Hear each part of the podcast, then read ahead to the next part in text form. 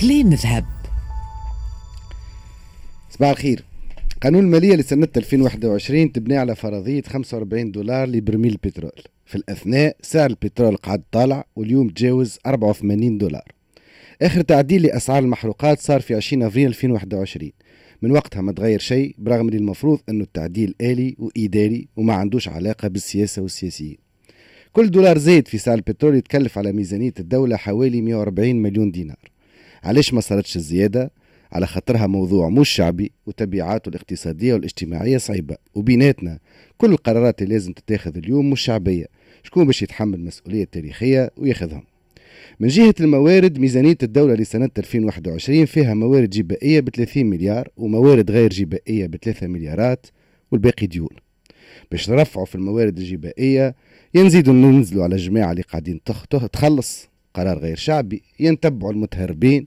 قرار أصح ولكن غير شعبي زادة باش نرفعوا في الموارد غير جبائية يلزمنا نكبسوا السنتورة في المؤسسات العمومية. قرار غير شعبي. ونرفعوا في الموارد المتأدية من كراءات أملاك الدولة وغيرها من اللزمات قرار غير شعبي.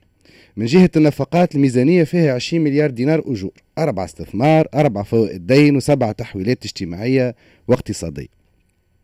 أي محاولة للتحكم في نفقات الأجور باش تكون عندها تأثيرات غير شعبية قرار غير شعبي.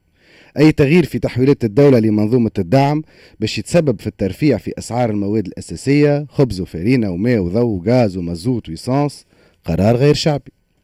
أي تغيير في التحويلات الاجتماعية باش يأثر على المساعدات اللي ماشية للعائلات المعوزة وللطلبة والبلديات وغيرها من المؤسسات العمومية. قرار غير شعبي. في المحصلة من 3 جانفي 84 حتى السياسي ما نجم يكسر منوال المالية العمومية في تونس.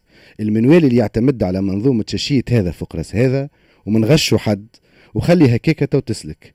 المنوال اللي يغش باش ما يغشش حد. والخبزة ملي كانت كيلو ولا 300 جرام وخلى المرافق العمومية تتهرى التعليم والصحة والنقل والخدمات الإدارية بأنواعها على خاطر حتى حد ما يحب يخلص. المنوال هذا غلط أما شد روحه لين ما عادش بها وين؟ تغيير المنوال هذا هو اللي يستحق حوار وطني وهو الموضوع اللي يستحق النقاش. كليم ذهب.